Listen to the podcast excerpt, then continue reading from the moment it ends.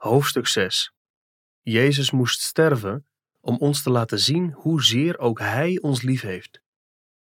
Christus heeft zichzelf voor ons overgegeven als een offergave en slachtoffer tot een aangename geur voor God. Efeze 5, vers 2. Christus heeft de gemeente lief gehad en zich voor haar overgegeven.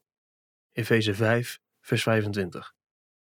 Die mij heeft lief gehad en zichzelf voor mij heeft overgegeven. Gelaten 2, vers 20.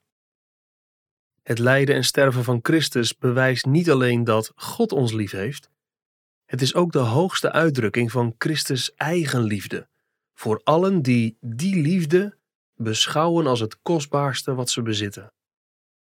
De getuigen uit de vroege kerk die het meest hebben geleden omdat ze christenen waren, vonden het fascinerend dat Christus mij heeft liefgehad en zichzelf voor mij heeft overgegeven. Gelaten 2, vers 20. Ze vatten het offer van Christus heel persoonlijk op. Ze zeiden: Hij heeft mij liefgehad. Hij gaf zichzelf over voor mij.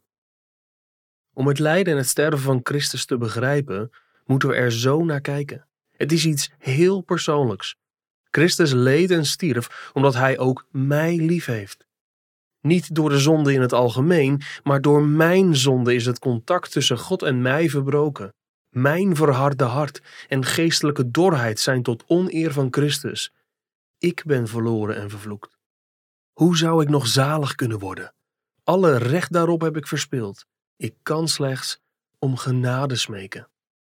Dan zie ik hoe Christus lijdt en sterft. Voor wie? Er staat geschreven: Christus heeft de gemeente liefgehad en zich voor haar overgegeven. Efeze 5, vers 25. Niemand heeft een grotere liefde dan deze, namelijk dat iemand zijn leven geeft voor zijn vrienden. Johannes 15, vers 13. Zoals ook de zoon des mensen niet gekomen is om gediend te worden, maar om te dienen en zijn ziel te geven tot een losprijs voor velen. Matthäus 20, vers 28. Dan stel ik de vraag: behoor ik bij die velen? Kan ik een van zijn vrienden worden? Kan ik bij die gemeente horen? En dan hoor ik het antwoord: Geloof in de Heere Jezus Christus en u zult zalig worden.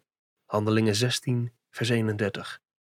Ieder die de naam van de Heere zal aanroepen, zal zalig worden.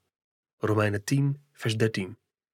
Ieder die in hem gelooft, zal vergeving van zonde ontvangen door zijn naam. Handelingen 10, vers 43.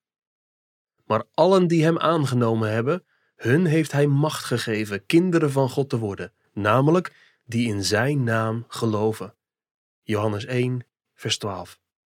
Want zo lief heeft God de wereld gehad, dat hij zijn enige geboren zoon gegeven heeft, opdat ieder die in hem gelooft, niet verloren gaat, maar eeuwig leven heeft. Johannes 3, vers 16. Ik laat me door Hem leiden en ik omhels de schoonheid en de rijkdom van Christus als mijn schat. Dan vult mijn hart zich met deze werkelijkheid, de liefde van Christus voor mij. Net als die getuigen uit de vroege kerk zeg ik: Hij heeft mij lief gehad en zichzelf voor mij overgegeven. Wat wil ik daarmee zeggen? Ik bedoel dat Hij de hoogst mogelijke prijs heeft betaald om mij het grootst mogelijke geschenk te geven. Welk geschenk is dat? Dat is het geschenk waar hij aan het einde van zijn leven ombad. Vader, ik wil dat waar ik ben, ook zij bij mij zijn die u mij gegeven hebt, opdat ze mijn heerlijkheid zien. Johannes 17, vers 24. In zijn lijden en sterven hebben wij zijn heerlijkheid gezien, een heerlijkheid als van de enige geborene van de Vader, vol van genade en waarheid. Johannes 1, vers 14. We hebben voldoende gezien om ons gewonnen te geven aan Hem. Maar het beste moet nog komen. Hij stierf om ons daarvan te verzekeren. Zo groot is de liefde van Christus voor ons.